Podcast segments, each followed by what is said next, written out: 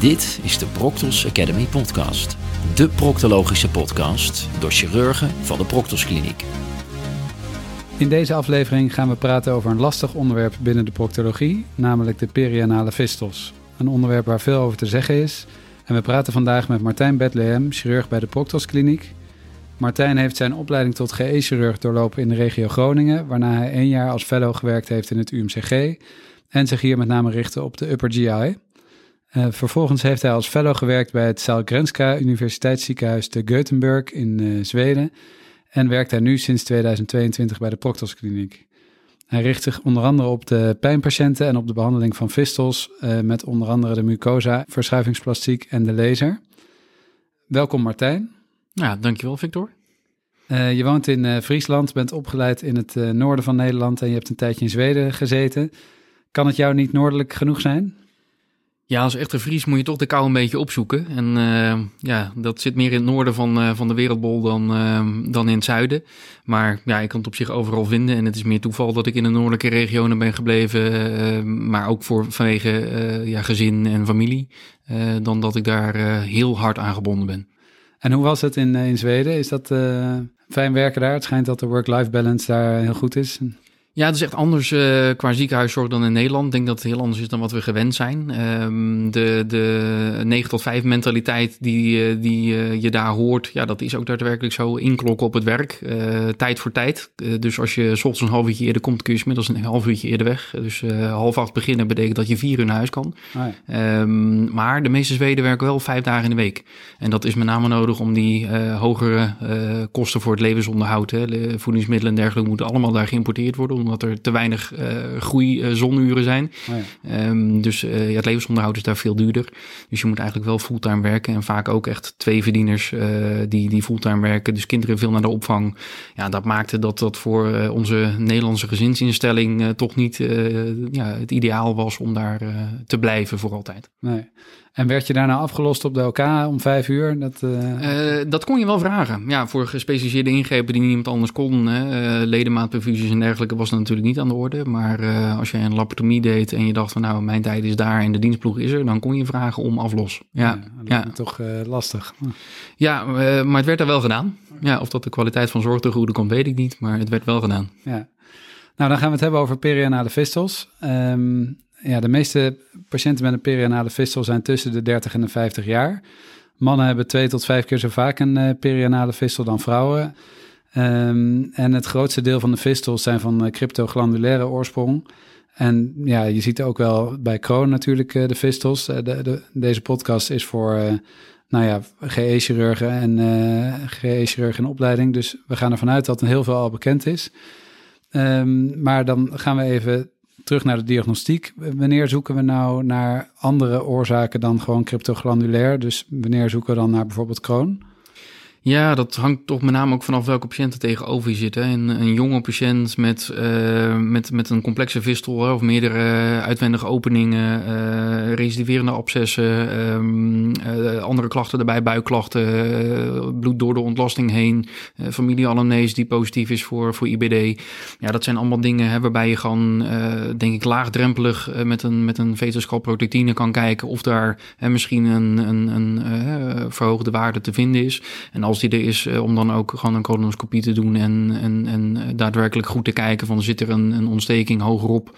Uh, naast dat je gewoon met de proctoscopie kan kijken of er in het rectum een ontstekingsbeeld al speelt. Ja, dus daar is echt niet, eigenlijk niet een hele duidelijke uh, leidraad in de richtlijn voor, geloof ik toch, wanneer je dat moet inzetten? Nee, we hebben daar uh, uh, op de chirurgendagen van collega van de Beeld vanuit het Flevo ziekenhuis wel wat, wat handvaten bij gekregen. Dat bij residuerende vistels en jonge patiënten, dat we gewoon laagdrempelig wel moeten denken aan een, aan een chronische vistel.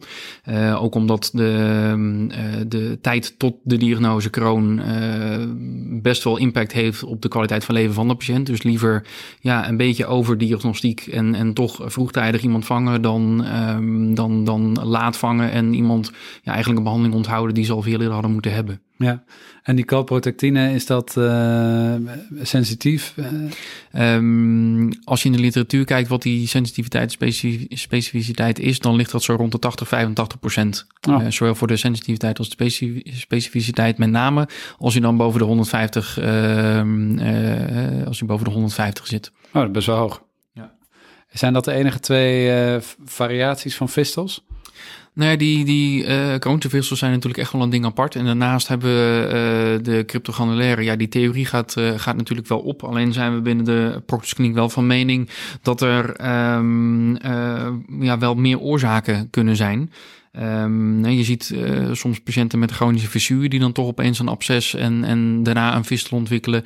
En ja, dat is toch een hele andere uh, presentatie dan de patiënt die zich met een groot bomberend uh, absces presenteert met, met drie pus daaruit collega Molenaar en Bos die hebben um, in een uh, e-book, uh, wat in de Coloproctology serie onder supervisie van professor Ratto is uh, gepubliceerd, een hoofdstuk ook gepubliceerd waarbij eigenlijk ja, nieuwe inzichten over de etiologie van, van vistels wordt beschreven.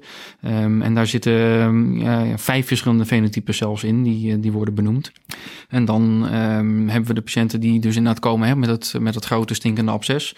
en, en nadien na drainage alsnog een eh, persisterende vistel. Um, je hebt de patiënt die eh, uit die chronische fissuren een vistel ontwikkelt. Um, je hebt ook patiënten die zich eigenlijk presenteren met een plekje bij de anus wat uh, jeukt of een beetje vocht loopt, maar die, er verder eigenlijk helemaal geen last van hebben. En dus die gewoon bij je komen van ja, ik heb een wondje en het geneest niet en dat blijkt dan een vistel te zijn. Um, patiënten die onderliggend een hydradenitis suppurativa hebben en daarbij ook perinale vistels kunnen hebben. En um, ook een groep die uh, ja, recidiverende ja, pockets heeft, uh, abscessen heeft, waarbij um, uh, dan wel wat, wat pus of geel vocht eruit komt, maar dat het eigenlijk nooit echt, echt anaeroop ruikt, zeg maar. Dat zou ook best nog wel eens een andere groep kunnen zijn. Ja, en, en hoe komt dat dan? Ja, uh, dat is eigenlijk gewoon gebaseerd op, op onze klinische ervaringen, expert opinion. Dus er zijn nog een heleboel interessante vragen die naar voren komen waar verder onderzoek gedaan naar zou kunnen worden. Ook om misschien die vistels toch nog weer anders te klassificeren en dus ook uh, te kunnen kijken of verschillende uh, oorzaken ook andere behandelingen nodig hebben. Ja, ja oké. Dus daar is het uh, laatste ei nog niet over gelegd. Nee, zeker niet. Nou ja, dan um, hebben we natuurlijk de anamnese aan het lichamelijk onderzoek. Dat, dat is denk ik bij de meeste bekend en spreekt redelijk voor zich. wij verrichten dan hier een endoanale echo. Um, wat, ja, waarom zou je voor een endoanale echo kiezen in plaats van MRI? Ja, ik was eh, voordat ik eh, bij de Portus Kliniek kwam werken niet gewend om natuurlijk zelf endo-echo's te doen. Um, maar ik heb daar de meerwaarde zeker van, um, van uh, leren ervaren. Ook omdat het gewoon nu een onderzoek is wat ik zelf beheers. En, en dus ook gewoon uh, laagdrempelig kan, kan toepassen. Dus ik kan gewoon op het moment dat ik denk dat het nodig is om beeldvorming te doen, dat, dat direct tijdens het bezoek van de patiënt doen. Um, ik denk ook dat het een hogere resolutie heeft dan, dan, dan de MRI's. Je kan het onderscheid tussen de interne interne anale sphincter en uh, externe anale sphincter veel beter maken. Dus het verloop van de fistel um, voor mijn gevoel veel beter beoordelen. Um, ja, en je hebt dan gewoon een actueel beeld ook. Het is niet dat je nog een, een week of twee moet wachten op een MRI in, in, in, het vervelendste geval, als je hem al zo snel krijgt. Ja. Uh, bij iemand die weinig last heeft. Uh, in het acute moment is er vaak wel wat mogelijk met een MRI, maar ja, als je hem regulier aanvraagt, zit er vaak toch wat wachttijd tussen. En voordat de patiënt dan weer tegenover je zit, kan er, zeker als er, als er wat qua abscessen sluimert, toch alweer een boel veranderen zijn. En het, uh, het doen van de NOECHO is gewoon een actueel onderzoek en, en, en laagdrempelig uitvoerbaar bij ons binnen die kliniek. Ja, en uh, aanvullende MRI, heeft dat dan nog meerwaarde? Of, of doen we ja, ik denk wel dat je bij hè, patiënten waarbij je denkt aan een, een supralevend ware uitlopen bijvoorbeeld. Uh, ja, dat is met de endo-echo um, vaak toch lastiger te beoordelen. Met de techniek die wij gebruiken is dat intraanaal goed toe te passen. Omdat de wand van, uh, van de, de anus gewoon tegen de echo aan ligt. Maar in het rectum ja, is er geen direct contact met de wand. Um, dus hogerop is het gewoon ja, niet of, of veel minder goed te beoordelen. Um, en dan kun je ja, supralevend ware toch minder goed inschatten wat daar nog speelt. dus met de uitbreiding die kant uit, of als er een, een, een vistel veraf in het perineum verloopt of, of veruit richting de bil loopt. En je wil daar geïnformeerd zijn wat daar speelt. Ja, dan, dan kun je met de endo-anale echo niet ver genoeg kijken. Die gaat toch maar tot een, een centimeter of drie rondom. Hè, dus, dus in totaal een, een centimeter of zes doorsneden. en ligt het daar buiten en denk je dat daar toch nog splitsing of obsessen of dingen spelen um, die jouw beslissing voor een eventuele ingreep beïnvloeden, ja, dan, dan kun je met een MRI zeker daar uh, veel beter geïnformeerd raken. Ja. Wij doen eigenlijk bij alle vistels wel die echo, dus uh, bij elke vistel een uh, beeldvorming.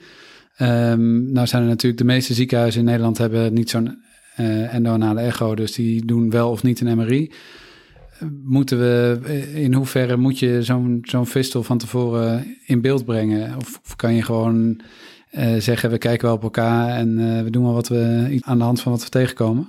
Nou ja, we zijn natuurlijk ook hè, een, een verwijscentrum uh, voor second opinions, ook bij, hè, bij mensen die al, al eerdere visselchirurgie elders hebben gehad. Um, en uh, we komen dan toch ook wel patiënten tegen die elders dan meerdere ingrepen hebben gehad zonder beeldvorming vooraf. Waarbij wij dan op de echo bijvoorbeeld een blinde uitloper uh, zien of een, of een, ehm, een, een, holte die elders vermoedelijk niet is herkend.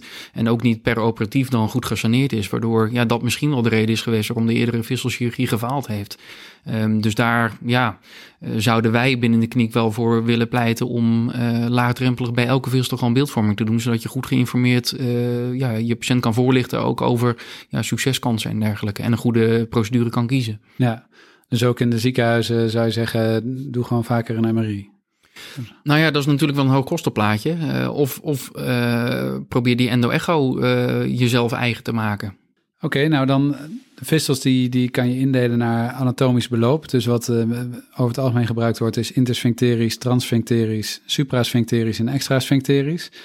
Um, en dan kan je de transsphincterische weer indelen in laagverlopende en hoogverlopende vistels. Waarbij, nou ja, wat de meeste mensen waarschijnlijk wel weten, laag uh, betekent door onderste een derde deel van de externe sphincter en hoog door bovenste twee derde deel. Uh, en nou ja, dit heeft consequenties voor de, voor de behandeling. Als we eerst even kijken naar de behandeling in de acute setting, dus bij als een patiënt komt met een perianaal absces, uh, wat zijn daar nou de aanbevelingen voor? Nou, je moet denk ik, als je een, een absces behandelt, um, uh, ook daar laagdrempelige is beeldvorming doen. Uh, en, en ja, wij uh, proberen dan toch, uh, ook al is het natuurlijk wel pijnlijk voor de patiënt, als het gaat, toch een endo-echo te doen op het acute moment. Dat je goed weet hè, hoe verloopt het absces, hoe hoog zit het, is er een hoefijzer. en, en ja, natuurlijk kun je niet altijd dan ook contrast gebruiken. Als het absces gesloten is, nog niet spontaan al een weg naar buiten heeft gevonden, is dat niet mogelijk. Maar kun je vaak toch wel aan, aan de schaduw zien van waar eventueel een vistel verloopt. en als het subcutaan ligt um, en het is echt alleen maar oppervlakkig, dan kunnen we er best eh, in sommige gevallen wel voor kiezen om het onder lokale verdoving te draineren gelijk op de poli. Um, maar bij een uh, hoger gelegen absces, uh, helemaal als je dat met de NRGO gewoon goed gezien hebt, ja, dan is het maar de vraag of je dat onder lokaal natuurlijk adequaat gedraineerd krijgt. Uh, lokaal houdt bij ons wel in dat we het echt verdoven met, met lidocaïne tot, tot wat dieper in. Dus niet alleen maar met spray of, um, of de, de, de oppervlakkige technieken, koelspray of, of een verdovende spray, maar echt gewoon injectie met, met lidocaïne. Maar ja, dan, dan uh, schotten doornemen in een hoger gelegen pocket, ja, dat, dat blijft gewoon natuurlijk dan nog steeds extreem pijnlijk. En dan is maar de vraag of je dan adequaat gedraineerd krijgt. Terwijl je op elkaar natuurlijk prima kan voelen met de vinger of er nog een pocket bij de elevator uh, achterblijft en of je die goed leeg hebt op het moment dat je de incisie hebt gezet. Um, en uh, mocht er toch een onderliggende fistel zijn, ja, dan is die ook bij een, een, een, deel van de patiënten met een goede drainage van het absces ook spontaan weer dat die sluit. Mm -hmm. Dus dan hoef je ook lang niet aanvullend altijd wat te doen. En zeker in het acute moment, hè, bij een patiënt die, die nog nooit eerder een absces heeft gehad of langere tijd geen absces heeft gehad zonder dat daar een vistel bij speelde, um, zou ik zeker geen uh, plaatsen in het acute moment. Maar ben je op de OK, ben je goed geïnformeerd en heb je een lage vistel, kun je hem eventueel wel direct klieven. Dus bij een, uh, bij een lage vistel, maar bij een hoge dus eigenlijk niet meteen een seton. Nee, liever niet. Want um, die, die seton die veroorzaakt over het algemeen toch uh, epithelialisatie van het vistelkanaal. En dat is wat je nou juist niet wil als je die wond wil laten genezen, die vistel wil laten genezen. Dus in het acute moment met veel inflammatie heb je gewoon kans dat daardoor alsnog de vistel dicht gaat binnen een maand of drie. Ja. Uh, nou, mooi. Dat, dat, uh, tot zover de acute uh, fistels. Want ja, eigenlijk merendeel van de fistelbehandeling die we doen is de, de electieve fistelchirurgie. Um, nog even wat aanbevelingen uit de richtlijn. Daarin staan een aantal dingen die je niet moet doen. Dus de snijdende ceton en fibrinelijm eigenlijk ook niet. En ja, plug zijn ze in de richtlijn ook niet zo enthousiast over. Um, wat zijn dan wel de eerste stappen in de, in de behandeling? Als, um, als je een patiënt hebt gewoon met een eenvoudige fistel? Ja, dat hangt heel erg vanaf en natuurlijk wat voor uh, klachten de patiënt heeft. Als, de, als degene met de vistel maar heel weinig uh, ziektelast heeft, als er af en toe wat vocht uit de vistel komt en er zijn verder weinig bijkomende zaken, dan is er gewoon rustig tijd om een beslissing te nemen. En dan kan een goede beslissing ook zijn om niks te doen, zeker bij een hogere vistel die, die rustig is.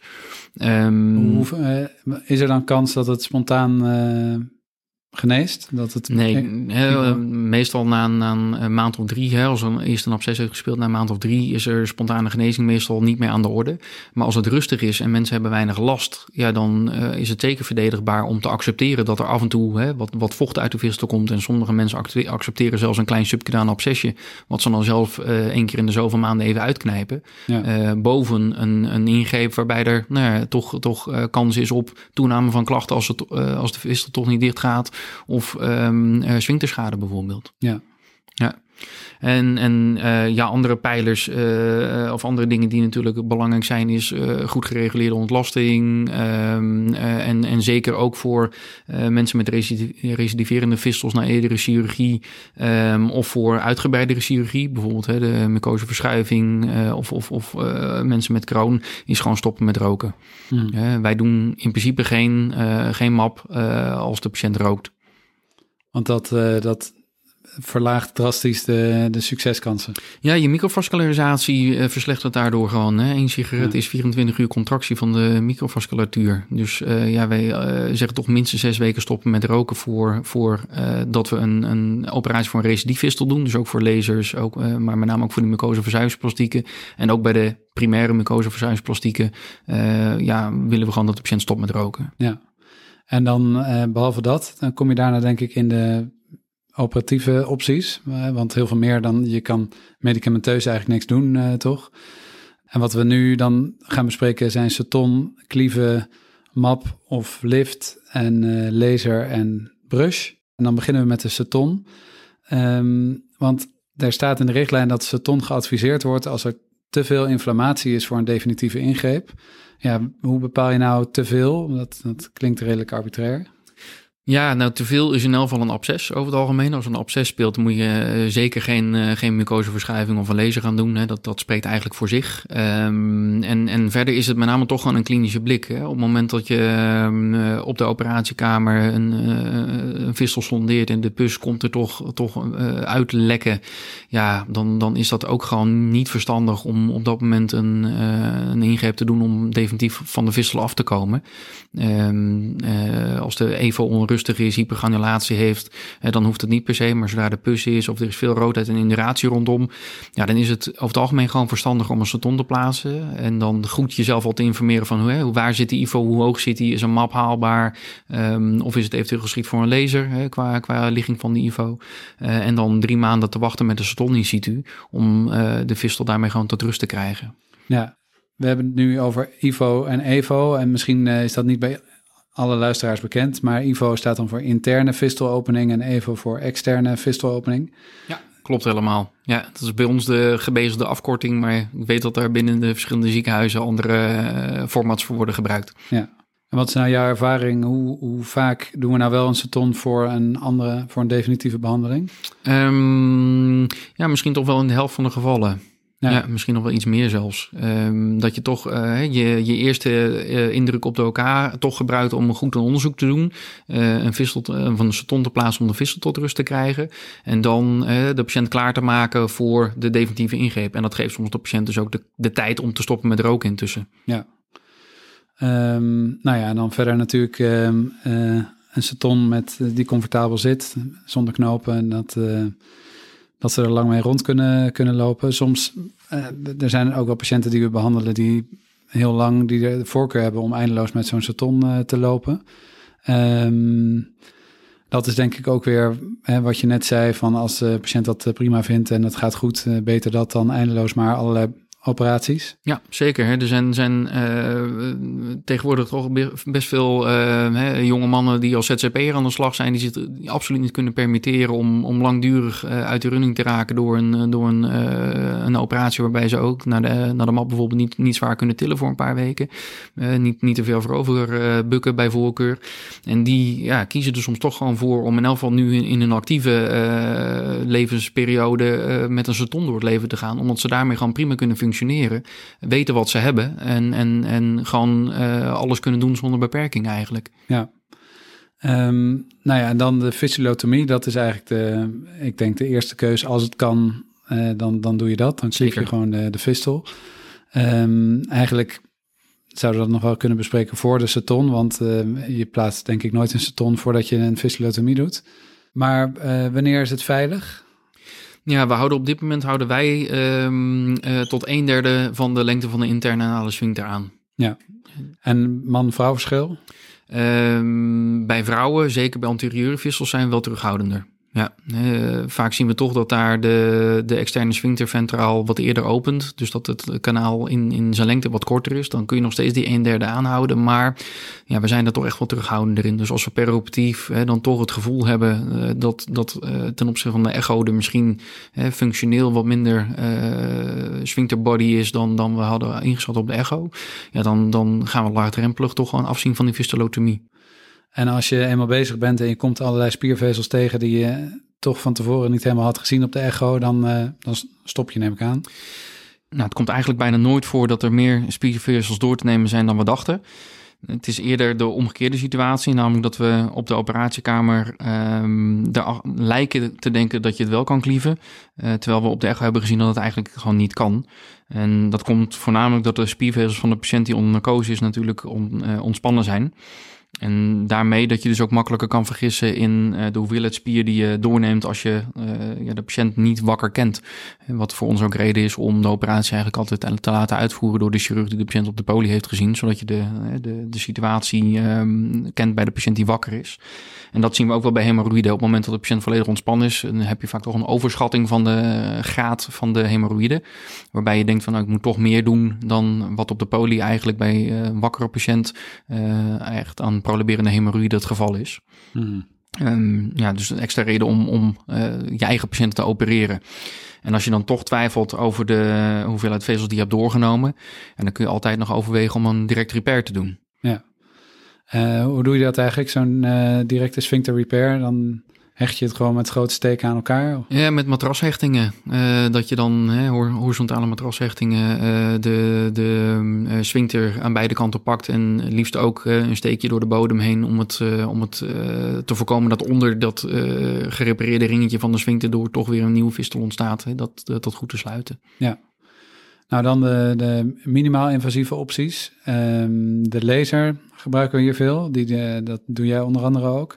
Wat zijn de indicaties uh, daarvoor? Ja, voor de laser wil je eigenlijk een zo eenvoudig mogelijke fistel hebben. Dus uh, meerdere externe openingen, meerdere inwendige openingen. Ja, dat is allemaal niet, uh, niet haalbaar wat dat betreft. Uh, want je kan maar één keer eigenlijk de laser er doorheen halen. Dus bij zijtakken en holtes kan het eigenlijk niet. Um, en er mogen geen hele scherpe bochten in zitten. Want die laserfiber is een glasvezeltje, is maar heel dun. En als hij te sterk gebogen wordt, dan breekt hij. En dan, ja, dan werkt hij gewoon niet. Dan kan zo werk, dan kan hij niet, niet geactiveerd worden. Dus je moet van tevoren, en met name ook op de echo, soms gewoon goed kijken. Eh, hoe verloopt die fistel en, en zitten er geen, uh, geen uitlopers, zitten er geen, geen scherpe bochten in. En op de OPK, als je uh, een onderzoek in narcose doet, eventueel een ston plaatst, kun je ook bij, het, bij het sonderen al merken hoe makkelijk gaat dat. En is het de diameter van het kanaal ook groot genoeg voor, de, voor de laser. En reguliere zonden moeten eigenlijk doorheen kunnen. Ja. Als je het met een traanbuiszonde moet doen, een vlinderzonde, dan is dat vaak toch net wat ook te klein voor een, voor een laser. En met die laser brand je dus het kanaal dicht. Uh, sluit je ook de, de interne opening nog? Ja, wat we met de laser doen is eigenlijk eerst um, de fistel uh, gaan saneren. Dus met een uh, scherpe lepel of met een borsteltje halen we het epitheel zoveel mogelijk weg. De laser is dan eigenlijk bedoeld om aanvullend hè, de epithelialresten die zijn achtergebleven nog weg te branden. En, en ja, je schroeit dan eigenlijk ook daarmee het vistelkanaal dicht. Uh, en dan hecht je de interne opening met een uh, tweetal staande hechting of met een zetplastiekje hecht je die ook nog aanvullend dicht. Ja. En uh, verruim je de externe opening. Dus je moet de mensen wel van tevoren vertellen dat de wond aan de buitenkant veel groter wordt om alle afbraakproducten van die brandwond die je gemaakt hebt, die los gaan komen, goed te kunnen draineren via de uitwendige opening. Ja. En dan het succespercentage daarvan? In onze eigen handen, als we er eerlijk over zijn, 40 tot 50 procent. Ja. De, de fabrikant en de eerste onderzoeken lieten hogere resultaten zien. Uh, maar onze eigen ervaring is dat het ongeveer een 40, 50 procent is. Uh, en bij een relaser, waar we zelf nog niet heel veel patiënten mee hebben behandeld, zou dat kunnen oplopen naar 60, 70 procent. Ja, ja. Maar ik denk ook dat er een bepaalde patiëntselectie in zit. Als je, stel je hebt 50% kans en je doet het daar nog een keer. Um, dan heb je misschien niet altijd weer. Misschien is er een reden dat het niet werkt, waardoor je niet als je maar lang genoeg 50-50, uh, dan werkt het uiteindelijk altijd wel. Maar... Precies, dus je moet dan hè, goed overwegen, goed nog met de echo kijken van hè, wat is er gebeurd. Um, we hebben wel ervaren dat bij een, um, een, een, een, een 20% eh, van de patiënten die gefaald heeft met die laser, uh, er toch een verschuiving optreedt van die inwendige opening. Uh, in het gunstigste geval zelfs dat hij meer distaal komt te liggen, dat je hem dan dus na een laser alsnog kan klieven zonder dat daar uh, incontinentieklachten bij ontstaan. Dus die heb je met een tweede ingreep uh, eigenlijk gewoon naar een fistulotomie of met een laseringreep naar een fistulotomie kunnen helpen. Ja. Dus dat is eigenlijk ja, toch ook best wel gunstig. Um, maar je moet niet eindeloos doorgaan met de laser. Nee. En dan hebben we ook uh, sinds kort de brush, uh, eigenlijk een soort staalborsteltje wat je er doorheen racht. Um, is dat, werkt dat op een vergelijkende manier als, als de laser? Nou ja, wat je dus um, doet voor de laser is eigenlijk al, al de, de brus toepassen. Um, maar met die laser aanvullend epitheel weghalen. Ja. Um, de brus, ja, die, die uh, zal naar verwachting een lager succespercentage hebben. En als we de, de literatuur van vroeger met, met uh, core-outs van, van vistels of, of saneren van vistels en sluiten van de inwendige opening nakijken, ja, zal dat vermoedelijk ergens 30, 40 procent zijn. En dan hebben we nog de, de wat grotere ingrepen, want dit valt dan uh, onder de minimaal invasieve ingreep eigenlijk.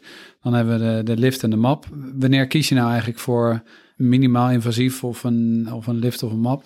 Ja, hangt ook heel erg van de voorkeur van de patiënt af. Er zijn patiënten die zeggen, nou doe mij maar de ingreep met een wat hogere kans op succes. Wat toch bij de wat invasievere technieken over het algemeen wel het geval is. Um, en er zijn mensen die zeggen, ja maar als ik nou eerst een, een minimaal invasieve ingreep doe met minder kans op uh, et cetera. Um, en als het dan lukt, is het mooi meegenomen. En lukt het niet, ja dan kun je alsnog voor een meer invasievere techniek kiezen. Hmm. Um, dus in de spreekkamer tijdens de, tijdens de counseling, hè, met, met de shared decision making die we tegenwoordig uh, natuurlijk allemaal zoveel mogelijk willen toepassen, um, kiezen toch voor mijn gevoel steeds vaker mensen voor eerst een minimaal invasieve techniek. En als dat niet werkt, uh, dat ze dan ook wel her, de geestelijk aan toe zijn om, om een grotere ingreep te ondergaan, waarbij ze ook meer restricties krijgen na de tijd. Ja. Want dat zijn dus, uh, nou ja, wij doen de, vooral de MAP, de, de mucosa advancement plastiek. Um, lift niet meer eigenlijk? Nee, veel minder. Daar, daar zijn we met name achter gekomen dat je daar best wel een, een um, goede selectie van tevoren moet doen. Je moet echt wel een, een uh, transfincterisch kanaal hebben, uh, wat je uh, goed, kan, uh, goed kan opzoeken. Het moet niet heel obliek door, door de sphincters heen lopen, um, omdat je dan over een vrij lang traject dat intersphincterische vlak moet, moet gaan vrijleggen. En um, collega van der Mijnsbrugge, die heeft ook um, van onze eerste series van, van liftpatiënten gepubliceerd dat een, een IVO die hoger ligt dan 15 mm vanaf de anale rand, eigenlijk dat al gecorreleerd is met een hogere uh, falingspercentage. Dus ja, je hebt uh, toch, toch een, een beperkte groep patiënten waarbij je die uh, procedure kan aanbieden. En, en onze ervaringen uit de eerste serie waren dat dat ongeveer een 40% kans op slagen heeft. Ja, uh, 40%. Ja. ja. En de map? Um, in onze handen, als wij onze getallen nakijken, ongeveer 2 op de 3. hoe doen we die map nou precies? Ehm, wat wij voor de map doen is ehm, de, de inwendige opening goed saneren. Uh, het visteltraject uitkrabben. Um, en dan de uitwendige opening ook uh, saneren. Uitkrabben met de scherpe Ja, en eventueel zelfs een, een core-out te doen tot aan de externe sphincter. Dus dat je echt het subcutane traject gewoon volledig excideert en, en, en openlaat. vervolgens uh, doen we een submucosale dissectie met zout met een beetje adrenaline erin, zodat we de mucosa loskrijgen eigenlijk van de sphincters, om daar zo weinig mogelijk letsel aan te maken.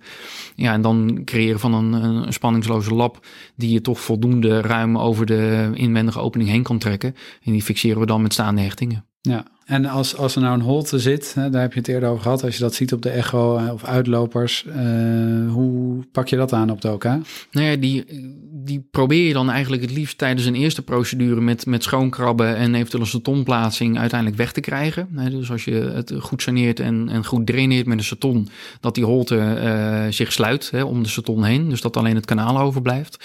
Um, en als het peroperatief uh, net toch blijkt, of met een beeldvorming vooraf toch blijkt dat er nog een kleine holte is, ja, dat je die dan toch echt gewoon hè, nog aanvullend uh, schoonkrabt um, voordat je, je je plastiek gaat doen. Ja, um, nou en dan denk ik het lastigste van, van vistelchirurgie, de recidive.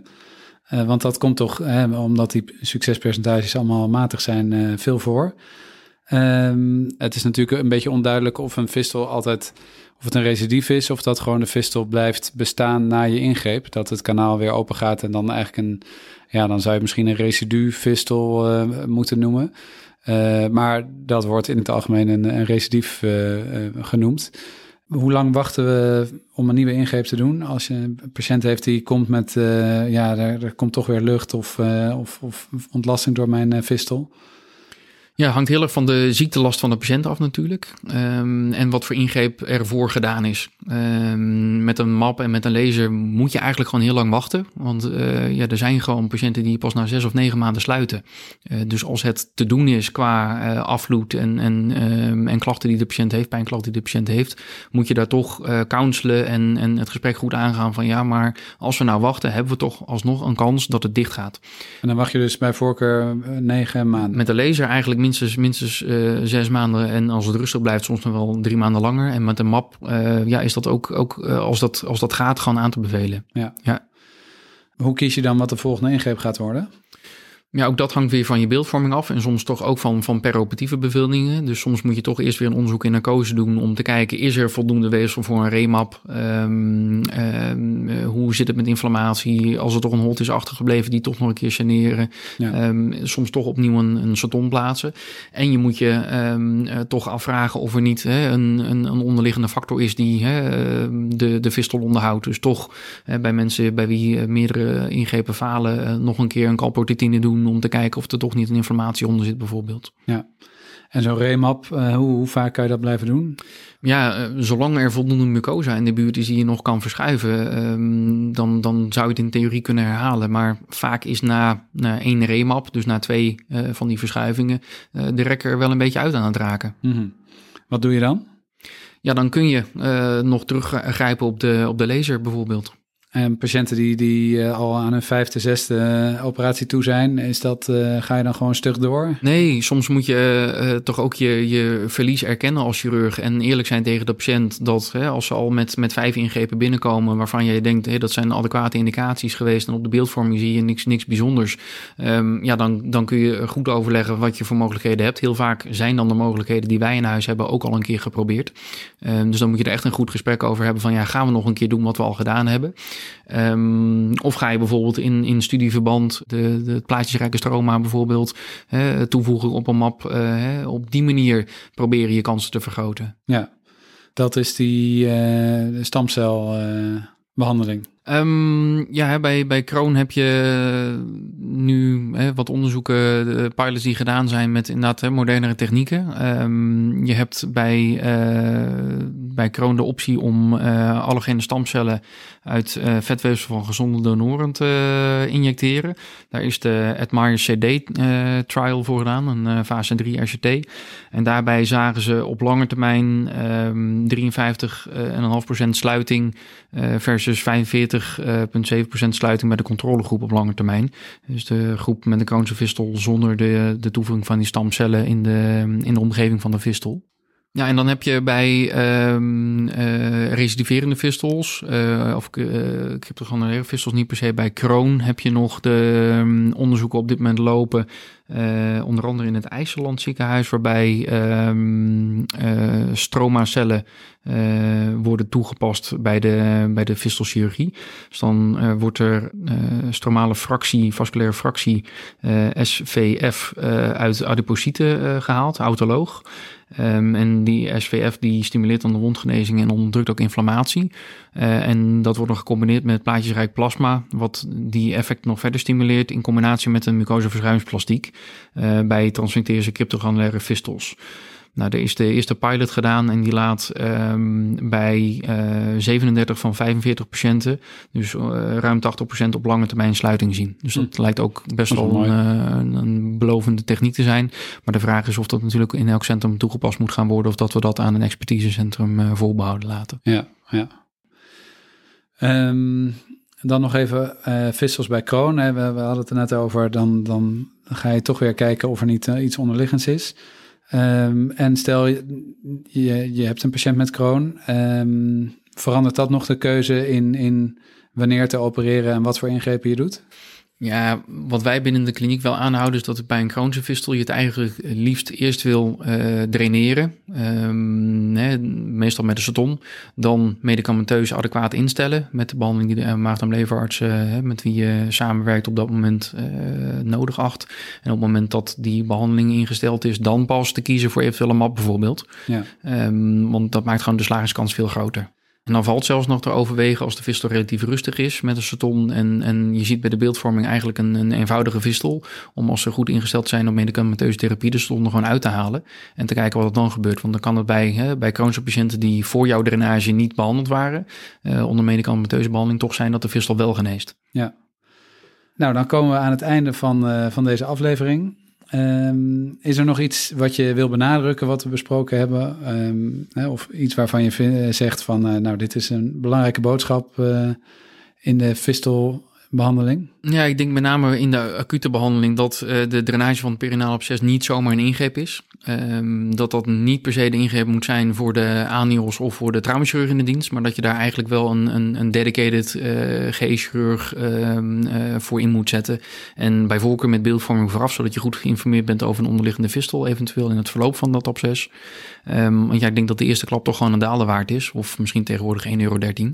Oké, nou Martijn, mag je heel erg bedanken voor deze duidelijke en informatieve aflevering. Ja, graag gedaan. Het was uh, een, uh, leuke ervaring om, uh, om deze podcast zo op te nemen. Dit was de Proctos Academy podcast. Dank voor het luisteren en graag tot de volgende aflevering.